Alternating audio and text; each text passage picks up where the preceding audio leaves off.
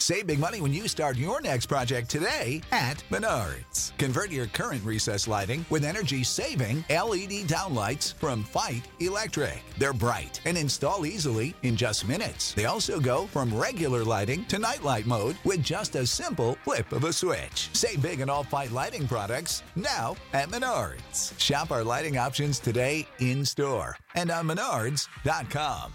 Save big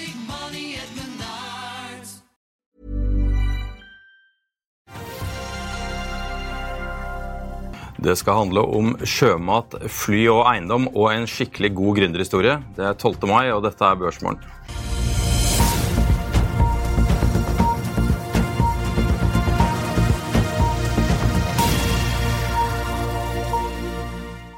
Velkommen til Børsmorgen her hos oss i Finansavisen. Jeg er Marius Mørk Larsen. Aksjekommentator Karl-Ann Molnes er også i studio, og vi har et skred av gjester i studio i dag. Men først, i dag er futures-handelen en større optimist enn Roger Berntsen.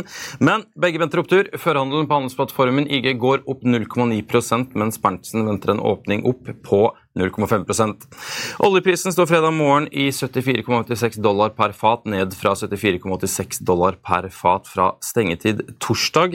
Det var blandet i Asia i natt, hvor Nikkei og Topix er opp 0,9 og 0,6% mens Shanghai Composite og Hang Seng er ned 0,8 og 0,4% I USA ble det tungt i går, hvor Nasdaq vel å merke var opp 0,18% men hvor SNP 500 og Dow Jones falt 0,17 og 0,66% PacWest-aksjen, denne lokalbankaksjen den ramlet 20% mens Disney skuffet også og falt 8 etter at de la frem tall. Tall har det kommet her hjemme òg, og vi skal snakke med noen gjester om noen av dem. Men det greske tankrederiet fikk ja, Oceanis. Oceanis fikk et justert brutto driftsresultat på 74 millioner dollar mot 16 millioner dollar i fjor, og har besluttet et utbytte på 1,6 dollar per aksje for kvartalet. Til tross for det nylige ratefallet for stortankskip har rederiet rederiet sikret seg gode rater. 72% av kapasiteten i VLCC-flåten er leid ut til en snittrate på 75 500 dollar dagen i andre kvartal. I første kvartal oppnådde VLCC-flåten til sammenligning rater på 72 700 dollar per dag. Fornybarselskapet Magnora selger alle eierandelene i svenske Evolar til First Solar for rundt 300 millioner eh, pluss mulige milepælsbetalinger på opptil 255 millioner kroner i tillegg. Transaksjonen priser Evolar til opptil 838 millioner kroner, fremgår det. Det kriserammede svenske eiendomsselskapet SBB har solgt mesteparten av aksjene sine i boligutvikleren JM for 2,8 milliarder svenske kroner. SBB verdsatte JM-aksjene til mer enn det dobbelte, over 6,4 milliarder, i sin seneste kvartalsrapport, og salgsprisen er dermed en betydelig nedskrivning. Men ettersom selskapet ble nedgradert til søppelstatus av SNP mandag kveld, er det kanskje ikke så viktig, da selskapet trenger penger fort etter å ha bl.a. kansellert en planlagt emisjon i etterkant av nedgraderingen, skriver vi i nyhetsbrevet Børsbjellen på Morgenkusten i dag. Subsea 7 er tildelt det som beskrives som en stor kontrakt, som anslås å ha en kontraktsverdi på over 750 millioner dollar. ABG Sundal Collier oppgraderer anbefalingen på Sparebank1 Nord-Norge fra hold til kjøp med et kursmål på 106 kroner. og Denne aksjen ble sist omsatt for 94 kroner, mens DNB Markets kutter kursmålet på Veidekke fra 130 til 125 kroner, men gjentar kjøpsanbefalingen. Aksjen ble sist omsatt for 105,6 kroner. For øvrig skal vi også legge til at BNP for Fastlands-Norge vokste som ventet med 0,2% i første kvartal. Tallene for første kvartal tyder på at norsk økonomi bremser opp, men det skjer foreløpig nok nokså gradvis, og sysselsettingen øker fortsatt, sier seksjonssjef i SSB, Pål Sletten. Der redda du meg, Karl Johan. God morgen. Ja, god morgen. Eh, jeg så jo at det ikke sto der. Det var derfor jeg sa det. Så, Liten glipp på morgenkvisten ja, ja, eh, to ting. Eh, man skal kjøpe Magnora, og så skal man selge AF-gruppen. Årsaken til å kjøpe Magnora det er jo at eh, dette er en, eh, salg er en relativt stor deal i forhold til markedsverdien. Markedsverdien er på 1,6 milliard, og det er jo litt ukjent liksom, hvor stor skatten blir på dette og hvor mye kostpris det er etter de har gjort alle investeringene, men det er likevel et betydelig beløp da når du snakker om fra 300 til 500 millioner i, i salgssum her i forhold til markedsverdien. Da. Og her er det veldig mange optimistiske analytikere, for her er det en vekst. Dette er en vekstaksje, skal bl.a. installere, bygge solparker som Hafslund i Norge, og, og kursmålene fra analytikerne da, eh, ligger fra 32,50 og oppover til 50 kroner. Da. Kursen er 24,50. Teknisk sett så eh, er første stoppet 28 kroner 10 øre. Det tror jeg aksjen kommer til å ta ut i dag. Og så spørs det da neste stopp er 31,40, og det er kanskje dit man skal.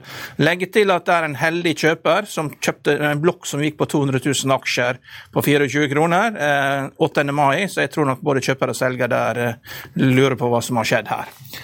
Så, så er det AF-gruppen. Det er en motsatt historie. De har jo hatt en veldig eh, sterk og fin vekst eh, gjennom en ganske lang tid, men nå i første kvartal nå sprakk det. da. Så nå, De har liksom ligget an til eh, åtte kroner i EPS, og, og, og nå mister de én krone. De mister 90% av resultatet sitt sammenlignet med eh, første kvartal i fjor. Og når du har en aksje da, som er prisa så stivt som denne her har vært, at det er PE 17 for i år og 14,5 neste år, så begynner det å svi. ikke sant? Fordi du mister, du av åtte kroner, det er 12,5% ned, pluss at du får multippel kompresjon, pluss at man begynner å spekulere hvor lenge dette varer, da, og hvor mye, hvor, mye hvor, hvor, lang tid denne svekkelsen vil pågå, hvor mye som er engangseffekter. da. Og her, men her er det et skolebokeksempel da, på, på gode og, og, dårlige analytikere. Her har du Simen Mortensen igjen, da, eiendomsanalytikeren i DNB. Han har jo hatt kursmål 100 på eh, AF-gruppen, har vært skeptisk eh, ganske lenge til uh, selskapet. Kursen er 150, alle andre har kursmål 200 kroner. Og Det er ikke lurt å vedde mot Simen Mortensen. Han var også den eneste som hadde salgsanbefaling på SBB, mens alle andre da de drakk Kool-Aiden. Så Simen er en veldig flink analytiker, og de andre de kan heretter kalle seg markedsførere. Det er mer det de har holdt på med. Det er ikke analyse, iallfall. Så selv AF-gruppen, kursmålet der, da hvis man ser på hvor langt ned den skal, da, så, så er det, det er støtte på, på 133. Også covid-lav er på 108, men eh, laveste nivå, liksom femårslav, er liksom under Mortensens kursmål, 93-95 kroner. Og det avhenger av hvor lenge denne svekkelsen varer. Altså den, er dette bare en engangshit, eh, så kanskje det kan stoppe på eh, rundt 125, men hvis dette fortsetter noen kvartaler til, så går vi ned til Simen Mortensens kursmål på 100, og kanskje under. Mm. Litt tilbake igjen til Magnora. for Hva var det du sa du trodde første nivå på Magnora-aksjen skulle til? Eh, jeg sa uh, vel uh, 28,10. Ja, Den har allerede skutt opp og har passert 27 kroner før den har ja. litt tilbake igjen. Så den er allerede opp 10% fra start av i dag. Ja. Jeg kan også legge til at AF-gruppen har allerede Den har også åpnet. Den åpnet i rødt, men har så vidt krabbet i pluss på 0,13% i grønt. Men vi får se hvordan det utvikler seg gjennom dagen. Med det sagt så kan vi jo heller snakke sjømat. Philips Grace, velkommen til oss. Det er sjømat som har eh, dominert livet ditt de siste ukene, antar jeg?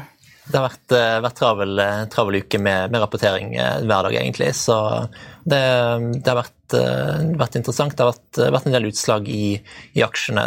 Spesielt SalMar i går kom jo med en kjempesterk rapport.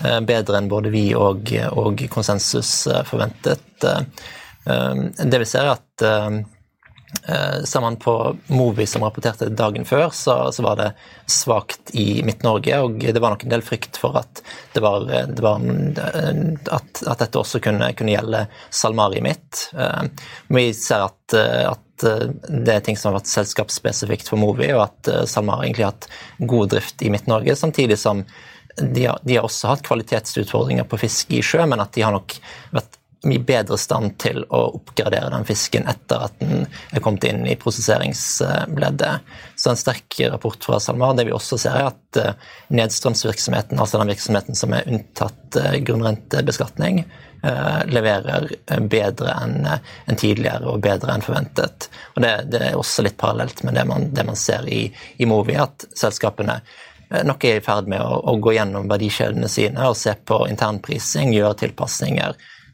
til, til skatten som, som, er, som, er, fornuftig, og som så langt ikke har vært viktig, men som, som blir viktig fremover. Eh, hva slags type justeringer er det snakk om da?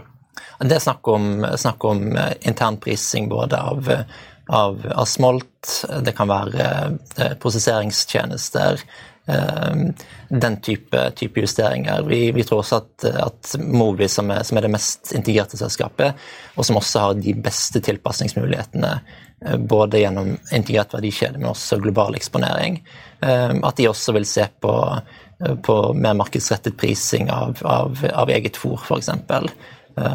Så det, det, det, kan være en god del tilpasningsmuligheter og, og kanskje noe større enn det, enn, enn det vi, vi, og mange andre hadde forventet. Movi indikerte et, en størrelse på, på grunnrenteskatt for den norske virksomheten i, i Q1 som Eh, som var spot on det vi også hadde estimert, men de sier at det er et konservativt estimat, så det er en indikasjon der på at, at, eh, at det kan være gode tilpasningsmuligheter. Og, og vi mener generelt at, eh, at et worst case scenario på, på, lakseskatten i stor grad er priset inn i, i sektoren allerede. Mm. Så Movi er på en måte dit vi Det blir fasit en stund fremover for hvordan dette vil slå ut av denne, denne grunnrentebeskatningen, og hvordan, markedet, eller hvordan bransjen skal tilpasse seg? Movi er nok den som har best tilpasningsmuligheter. Eh, men, eh, men, at de som har muligheter til å tilpasse seg, vil, vil, gjøre det, det er, jo, det er, jo, helt klart. Og det er jo interessant at eh, Finansdepartementet var ute her om dagen og, og kommuniserte at skatten kunne bli vesentlig vesentlig høyere enn, de 3,6-3,8 milliardene som, som, regjeringen har stått på til nå. Det anslaget som kom fra Finansdepartementet, er et, et anslag uten tilpasninger og er nok eh, også for høyt. Men, men, det er klart det er ting som, som kan påvirke dynamikken i, i de forhandlingene som, eh, som pågår eh, i, i finanskomiteen nå denne uken og inn i, inn i neste uke. Eh, SalMar, når vi gikk inn i denne sesongen, så hadde SalMar P på 18 på konsensusestimatene på 2023. og Mye av det skyldes nok eh, at de har nettopp gjort et oppkjøp, og at analytikere analytikerne ikke helt vet hvordan man skal håndtere dette. og Når selskapet da sier at de har synergimål på å ta ut 670 millioner kroner, så kommer de med tallene og sier de vi har tatt ut allerede 450 millioner kroner av synergiene. Hva er det de har klart å gjøre så raskt, å ta ut så mye synergier, og, og hva er det som ligger i det, det de har kommunisert rundt dette her? De strategiene de har tatt ut så langt, og de, de har tatt, tatt, ut det raskere enn vi hadde, hadde, forventet. Eh, det er i stor grad eh, organisatoriske eh, effekter, i tillegg til at det er innkjøpsavtaler og, og den type ting. Og, og, de effektene de kommuniserer, er jo på, på, på, på helårsbasis. altså kall det en burn rate-effekt. Så de har tatt de lavthengende fruktene, og det, det har vært, uh, vært, veldig suksessfullt. Det som gjenstår nå, er i stor grad uh, ting knyttet til drift i sjø, biomasse osv., og, så videre, og det er ting som vil ta, ta noe lengre tid å realisere pga. Av, av, av en, en lang produksjonssyklus.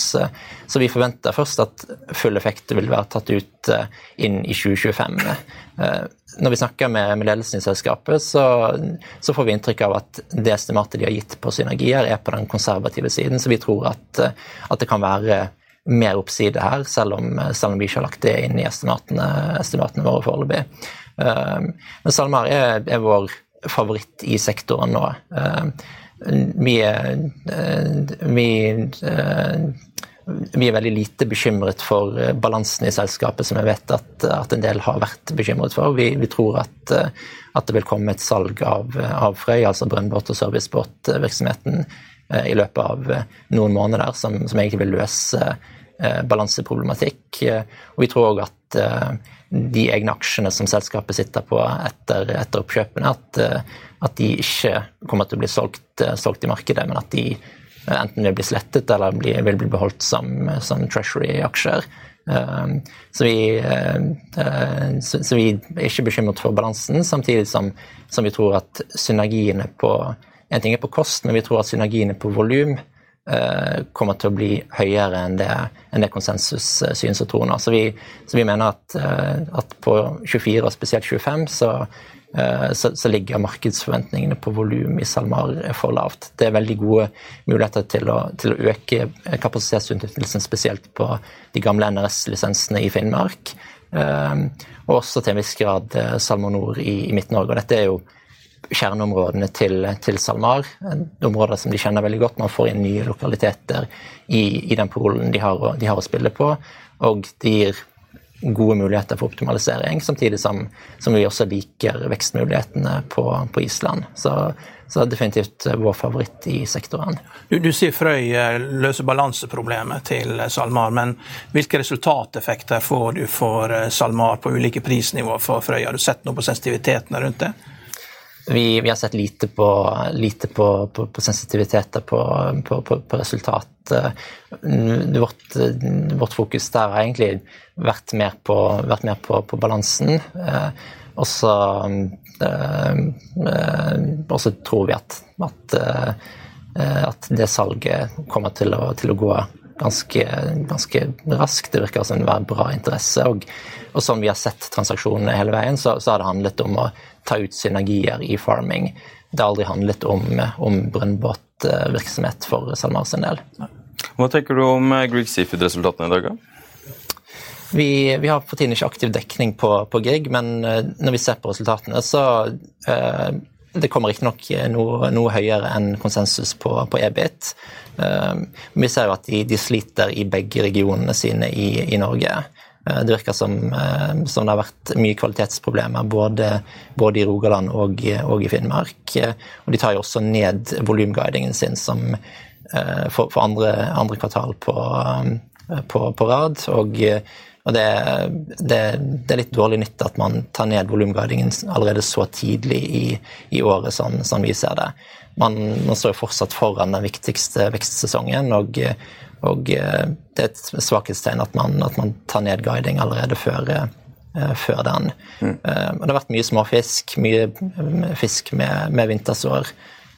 Og man har også vært, vært, nødt til å ta ut fisk tidligere i, i Rogaland. Så, så, ja Litt høyere resultater enn en de svake forventningene som var der, men det er jo, det er jo et tegn på at, at ting ikke går som, som det burde i, i, i selskapet fortsatt. Mm. Lakseprisen ligger jo på ganske høye nivåer for tiden. Den har jo eh, satt vel en, en, slags rekord i, i, mars og har vel holdt seg ganske oppimot de nivåene siden. Mm. Eh, er dette den nye normalen for lakseprisen?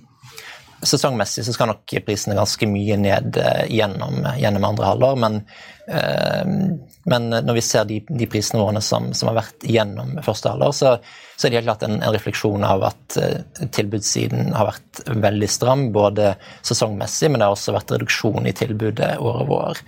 Uh, når jeg var på, på Seafood Expo-messen i, i Barcelona i slutten av april, Eh, så snakket vi med, med, med flere store uavhengige prosesseringsaktører. Og det er klart alle klager på lakseprisen som har vært.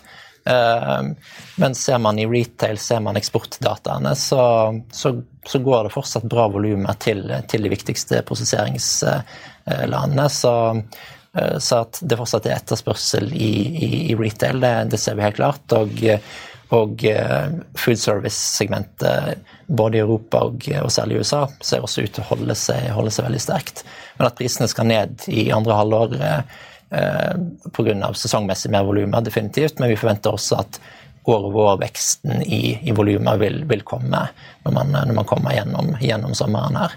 Eh, men, at, eh, men, at, langsiktige prisforventninger eh, eh, er klart høyere nå enn, enn de var for å si et, et, et år siden, definitivt. Så, så posisjonen til, til, laks er, er sterk i markedet, og, uh, og vi, vi, forventer langsiktig stramt uh, laksemarked. Også drevet av at tilbudssiden langsiktig er er veldig begrenset. Mm. Vi kan sitte her og snakke sjømat hele dagen, dette er et veldig spennende tema, men vi må videre til, til fly om et lite øyeblikk. Så jeg, jeg, sier tusen takk for at du kom i studio, Philip Skress, sjømatanalytiker i Carnegie. Vi er rett tilbake om et lite øyeblikk med Olav Gram Degnes for å snakke om Norwegian rett etter dette. Vil du bli oppdatert på det viktigste som har skjedd innen finans og næringsliv? Da er det bare å følge med, for hver morgen er jeg, Marius Lorentzen og aksjekommentator Karl Johan Malnes på plass i studio for å ta tempen på dagens marked i Børsmorgen. Og hver ettermiddag oppsummerer vi alt du trenger å vite i økonominyhetene, og det blir selvfølgelig masse interessante gjester. Klikk deg inn på fa.no-tv, eller søk opp Børsmorgen og Økonominyhetene der du hører på podkast.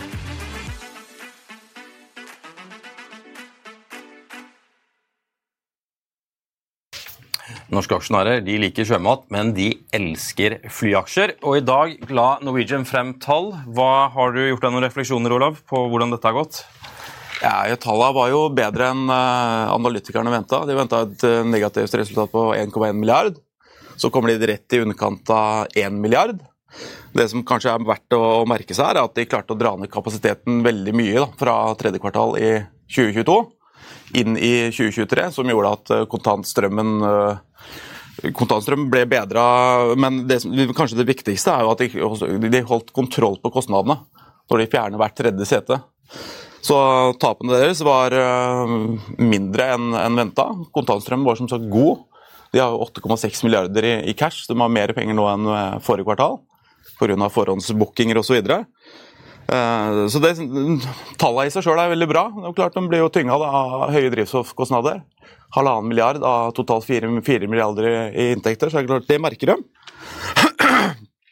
Men uh, tallene i seg sjøl var egentlig veldig bra. Så guider de jo knallsterkt. De guider jo nå eh, historisk sommer, sier Geir Karlsen. Så, Ja, det er, de har gått så langt at de bruker jo det i sin egen markedsføring om at nå er det så etterspørsel etter flybilletter at du må nesten bare skynde deg å kjøpe de tre settene som er igjen. Eller så må du dra på ferie til neste sommer. ja. Men uh, hvor lenge kan det markedet vare? Nei, vi snakka om det forrige gang vi var her òg. Altså, når, er det, når stopper det? Hva tror du, Gallian? Tror du det stopper? Jeg vet ikke. Det, det eneste rådet jeg ville hatt til Norwegian, er jo det når det blir mer og mer norsk, da, så burde de gått over til tertialregnskaper, sånn som gamle Bråten hadde når det kom på børs. fordi at da er påsken alltid i første tertial. Ja, ja. Eh, for det er jo så vanskelig uansett. Nå er det mye støy ellers, men påsken sklir jo fram og tilbake mellom første og andre kvartal. Og når Bråten har lavere kvartalsresultater, så blir jo det helt umulig å drive og gjette på de resultatene. Og, eh, det er ikke noe lett. Før så var jo Norwegian mye mye større, da var jo det, den effekten skjult. Men dess mer du er i Norge, dess vanskeligere er det å si noe om førstekvartalsresultatene, sjøl i en steady state-situasjon. Ja. Veldig vanskelig. Nå ser jeg jo at uh, selv om de kanskje kom med mindre tap enn ventet, så er fortsatt aksjen ned 3,43 fra start i dag. Så uh, noen har likevel latt seg skuffe av det her. Ja, det er ikke tvil om det. Men jeg snakka med et par meglere i- det var jo i går. Og det er, liksom, det er- fremdeles bra trykk da, i, i aksjen. Det er lett å få tak i volum, så det er klart det går an å liksom, kjøre en million og to millioner aksjer og, og trade, for det er volum. Samtidig så ser du Nornett, de har fremdeles mange av dem er 35 000 kunder, da, tror jeg. Sånn cirka, som er nordmenn som eier eh, Norwegian-aksjer. Så det er jo liksom, interessen er enorm. At du kan bli skuffa, ja, det er klart man kan bli skuffa. Det er en milliard i tap. De, selv om analytikerne hadde venta 1,1, så er det jo også snakka med folk som liksom, ok, vi, kanskje de kan klare å tape bare en halv milliard. Men én milliard, jeg tror ikke de skal være, jeg tror de skal være fornøyd med det. Hvis vi ser på det, fordi nå altså Fly, eh, og særlig sånn type ferie, ferieselskap som Norwegian til dels er altså, det er ingen SAS var jo veldig opptatt etter pandemien om alle, at alle businesskundene skulle komme tilbake osv. Og, så videre, og gullkort og bla, bla, bla. Men Norwegian de flyr mye folk på ferie, og vi er på vei fra en solid eh, oppgangskonjunktur til eh, ja, det daglige resesjonsspøkelset som herjer her. Er ikke, er ikke Norwegian noen av de som kommer til å tape hvis vi går inn i en resesjon? Jeg skulle jo tro det, men eh, samtidig som Jo, det skulle man jo tro. Det er jo det vi vi snakka litt om det også forrige gang jeg satt her. Men eh, de går jo også nå knallhardt da, på SAS, på, også på Frequent Travelers. da. De har jo sånn relansert eh, dette Norwegian Reward-programmet sitt. Og nå ønsker de da å, å gi en reward da, til de som flyr mest. Og da går de rett inn i markedet til SAS. Og én ting er at de har hatt leisure på ene siden, også fritidsreisende.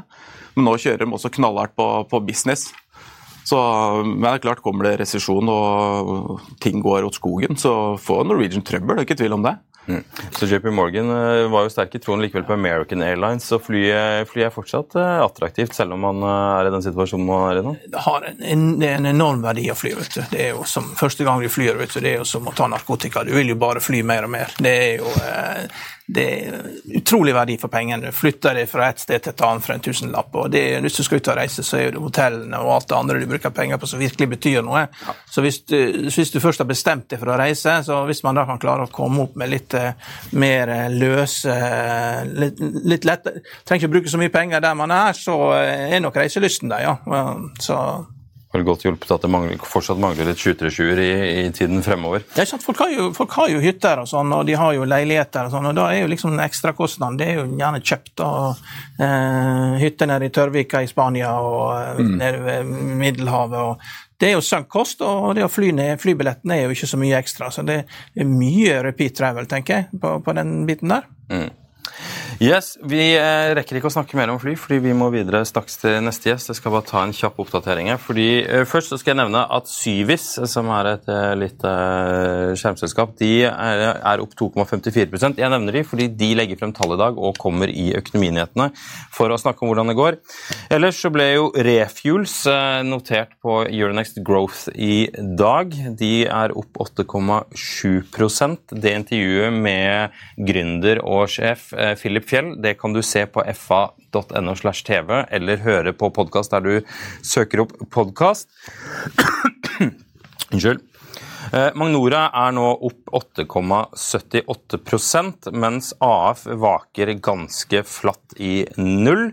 Mens og SalMar er ned ca. 3% Der eh, gikk, eh, hoppet Norwegian ned et hakk mens jeg snakka om det, og er nå ned 4,2 Vi får ofte artige besøk i studio her, og vi fikk tidligere i uken her besøk av to gründere som har vært litt i media i det siste. Shafi Adan og Arne Kvale de eier et selskap som har det artige navnet Vi ønsker styreplass. Og de har hatt en ganske kul eh, vei, gründervei. Mer om det rett etter dette. Da har vi fått inn et, et gjestecase her med et uh, veldig kult navn. Vi vil ha styreplass AS. Shafi og Arne, velkommen til oss. Takk for, for det. Kan ikke dere fortelle litt, Hva ligger i Vi vil ha styreplass AS? Kanskje det morsomste navnet vi har vært borti her? Nei, det var jo det at Vi begynte å bygge en stor posisjon i Lumi. Um, og Det er et space vi kan litt om. Vi har startet og solgt et undervisningsselskap tidligere.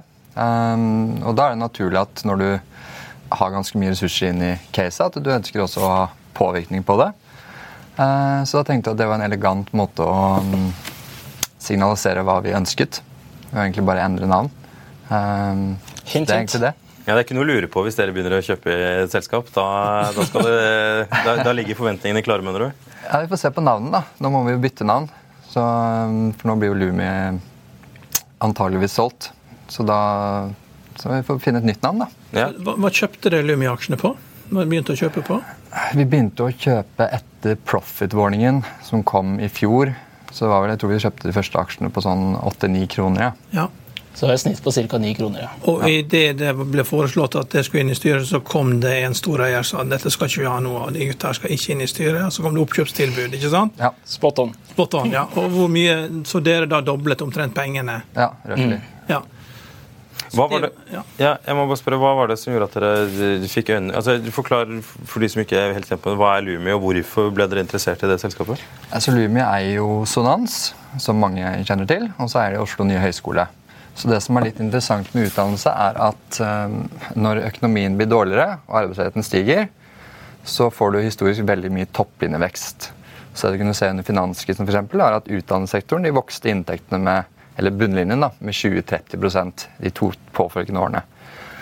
Så da har, du, så har, du, det momentet. Så hvis du tror da at det blir litt ruglete fremover, så er utdannelse et veldig godt sted å plassere pengene. Og så har du appåtil en del operasjonell giring. For det er litt som et fly.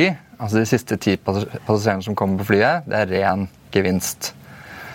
Og så var det også interessant at øh, Oslo nye høgskole konkurrerer jo stort sett med offentlige utdannelsesinstitusjoner. Uh, og der er det jo veldig lite skin in the game. Så jeg syns Oslo nye høgskole driftes jo veldig bra på relativen mot de konkurrerende aktørene. Så da har du flere ting som gjør, gjør det veldig interessant i forhold til hvilket syn vi har og hadde på, på økonomien fremover. Mm. Hvor mye var det dere gikk inn i Lumi med?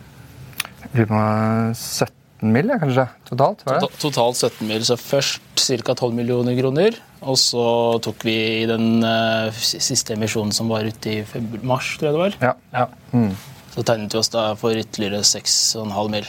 Så det som var interessant også, var det at um, det kom en profit warning fordi inntaket til uh, Sonans var mye dårligere enn det folk så for seg. Uh, og det handler jo litt med at det har vært en pandemi, så hadde har fått veldig stor etterspørsel.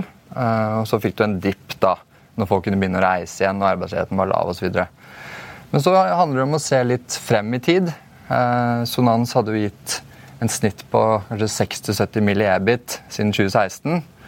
Og Hvis du begynner å tro på at du skal tilbake dit på et eller annet tidspunkt, og så har du Oslo nye høyskole i tillegg, da begynte den aksjen å se veldig veldig billig ut. Og ikke minst Ntek. Ja.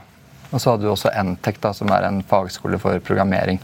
Eh, og det blir jo en lisens for å printe penger, egentlig. Det vil jeg tro i disse dager. Jeg avbrøt jo deg midt i spørsmålsstillingen din, men eh, tilbake til Lumi her og Ja, nei, men det, det, og, og da er jo det opplagt at det er noen som føler det at uh, dette gikk litt fort. Hvorfor gjorde ikke andre dette her?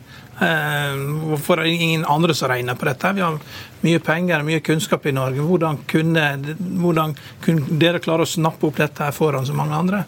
Jeg tror det er, altså Et moment er at market cap er relativt liten. Så det vil si at For veldig mange så er det for lite til at de kan kjøpe aksjer. Og så er det i tillegg likviditet, som igjen gjør at veldig mange ikke vil kjøpe aksjer. Og så er det i tillegg den at når en aksje har falt veldig mye, og folk har veldig høy kostpris fordi IPO var jo på mye høyere kurs, så er veldig mange folk slitne. Så jeg husker jeg spurte en del venner som jobber i finans, ja, men hva, hva tenker du om Lumi og sånn. Og da får du ofte litt svar sånn Nei, jeg har tapt så mye penger på det, orker ikke å se på det igjen. Det, det, og det er på en måte et veldig bra signal, for da vet du at det er få som orker å regne på det. Og så har du også en del politisk risk, og det er ubehagelig. Og det er også sånn ofte, Hvis du pitcher en aksje til noen, så har de ofte en eller annen reservasjon. Med Lumi så er det ofte ja, men det er politisk risk. Jeg orker ikke politisk risk. Og da stopper analysen. Mens neste ledd kan jo egentlig være hva er politiske risken her? Hva tror vi vil skje?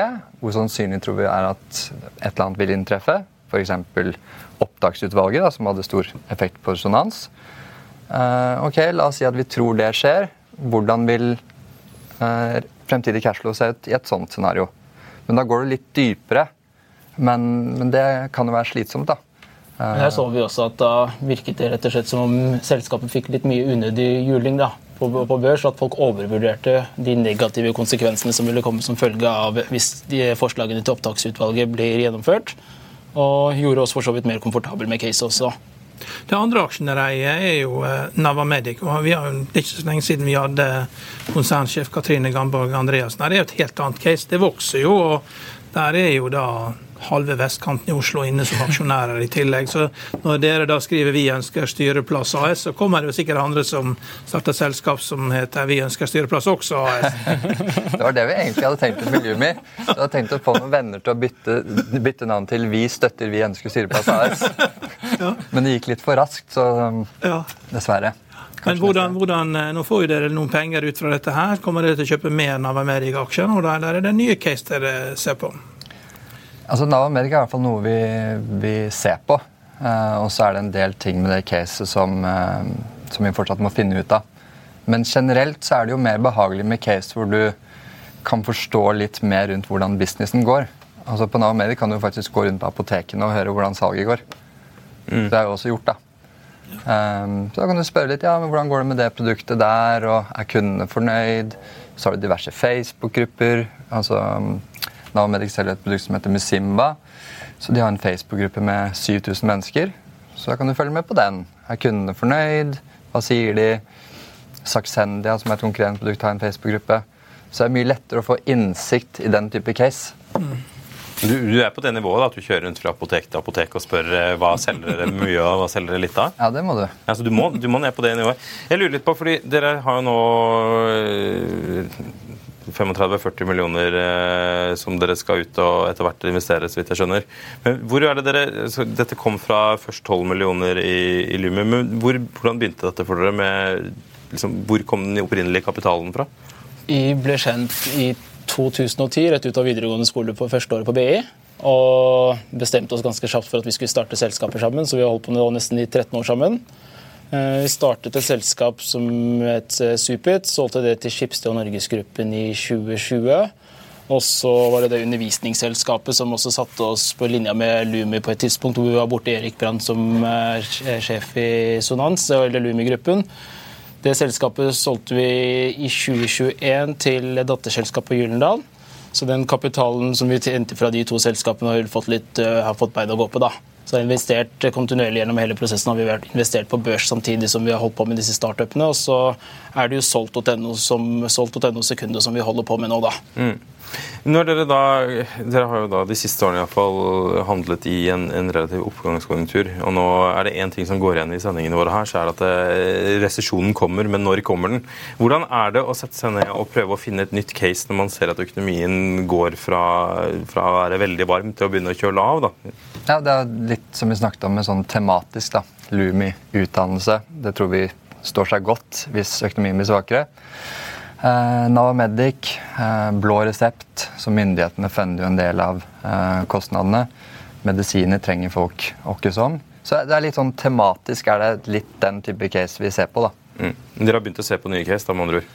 Eh, jeg ser litt på ting her og der, men jeg har ikke funnet noe som er eh, Den blir veldig gira ennå. Mm. Og så er det litt sånn der, eh, Hvis du tjener bra på en investering, så kan du kanskje egentlig ta det litt med ro resten av året. Uh, man har ofte en sånn trang til å gjøre noe hele tiden som investor. Men statistisk er det slik at jo mer du gjør, jo dårligere return får du. Så hvis, hvis det er sant, så må du også alltid huske på det. da.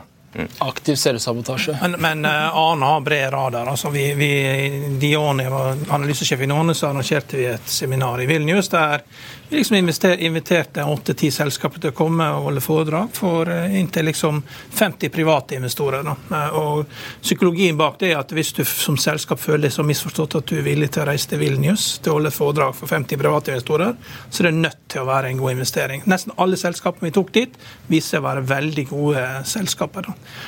Men, men eh, det er klart at ideen til selskapene får man jo ofte av deltakerne. Så Ane han snakket om Kitron på kurs to til tre kroner. Så snakket han om Kitron. Der skjer det ting. Og det var jo eh, inputen til at vi begynte å følge selskapet. Og eh, vi, så jo det at de hadde et kommunikasjonsbyrå, og de hadde hatt en kapitalmarkedsdag. Det var en video som ingen så på. Så Arne følger jo med på mye, men du fikk sikkert ikke med deg hele Kitron-reisa sjøl, selv om du kanskje var med fra begynnelsen av. Nei, jeg eide jo litt aksjer, men eh, det var jo tabbe å Ja. selge altfor tidlig. Ja. Skal skyte inn at Kitron-aksjen akkurat nå handles på 43 kroner. Det er to kroner i Vilnius. Men eh, jeg har, jo, jeg har jo da lest eh, Aftenposten i dag, og jeg har jo, du møter jo i branndrakt, men du kan jo gjøre som eh, Pornohagen og bare putte alle pengene i brann, sånn som han gjør med Skeid. Da har Røkke har brukt 1,1 milliarder som på Molde opp igjennom. Jeg tror man skal heller se hva Ryan Reynolds gjorde, enn eh, hva Røkke gjorde når de begynte å kjøpe det Wrexham, eller? Ja. er. Ja, det er vel det. Ja. Så men det, Der kommer det en egen dokumentar også nå. Om, eh, for De bestemte seg for å kjøpe en klubb for å lage en dokumentar om det. Ja, Og så har det jo bare spint ut av kontroll derfra. Men Du har holdt med Brann i alle år, og nå har ikke du cupfinalebillett. ikke sant? Og det er jo ikke alle som tar seg så godt ut i branndrakt som du gjør, så jeg syns jo det at det er ikke skada med å få det i publikum med, med den drakta her. Altså, det, er jo, det er jo kanskje det er noen som kjenner deg, da, som eh, kan forbarme seg over deg og gi deg en, brand, en billett til cupfinalen i helga. Ja, Det er jo tanken bak å stille med branndrakten her, da. Så, så vi får bare se. Krysse fingrene. Jeg prøvde å få tak i billett i går, men det var helt umulig. Dere er jo eh, unge karer. Dere sa dere starta opp i 2010, eh, rundt 20 år gamle. Det betyr at dere er i begynnelsen av 30-årene nå og har alltid, allerede klart å etablere dere med suksess. Hvis, eh, hvis eh, La oss si dere selv satt og så på dette 20 år gamle. eh, Hvilke tips ville dere gitt til, eh, til eh, førsteårsstudenter på BI med en gründer i magen og sans for investeringer? Begynne å handle aksjer, i hvert fall. Eh, Jeg tror det er fornuftig. Jeg husker Da jeg gikk på B, så satt de fleste med aksje-NM osv. Men da mister du litt den følelsen av å ha skin in the game. Når du har skin in the game, så blir det noe helt annet. Hvor mye penger må du inn med da for å komme i gang? Jeg starta med 5000 kroner. ja. Ja. Nå sitter du her med nesten 40 millioner, så det er fint. Du, eh, Tusen takk for at dere kom i studio til oss. Jeg minner om at eh, Hvis du vil lese om hele historien til, eh, til disse gutta, så kan du sjekke ut eh, Lørdagsavisen, hvor eh, vår kollega Erlend Kjernli har gjort dette dypt, dybdeintervju med dere for å, for å liksom kartlegge hele reisen. Det er tilgjengelig på lørdag, og så er vi tilbake igjen på mandag. Vi er faktisk tilbake allerede med en gang, fordi jeg sitter her mens vi eh, gikk gjennom dette forhåndsinnspilte intervjuet og ser at et par av aksjene vi har snakket om, eh, har skutt videre opp i mellomtiden. Magnora er jo kanskje den som har skutt eh, minst opp. Den har bare passert nitallet, er på 9,4% opp, mens AF-gruppen har begynt å gå nedover. Den er en ned ca. halvannet prosentpoeng. Det som er interessant, er at Syvis, som kommer i studio her etterpå, er opp nesten 9% nå, mens e-fuels, altså dette caset som vi fikk presentert med Philip Fjell i sendingen i går, og som du kan høre og se hvor du vil, eh, de er opp 16,75% fra start, så dette tegner til å bli en ganske spennende dag både for dem og for alle børsinteresserte. Jeg minner om at vi er tilbake med Økonominyhetene klokken 13.30, altså da kommer også Syvis. Og vi har vært i Sverige og sniktittet på Inios Grenader, denne milliardærbygde Land Rover Defenderen som Land Rover ikke ville bygge selv, så Jim Radcliffe ville bygge den. Og så minner jeg om at du kan eh, som sagt eh, se og høre dette når du vil på fa.no slash tv eller der du hører podkast. Og så er Børsmorgen tilbake på mandag klokken 8.55.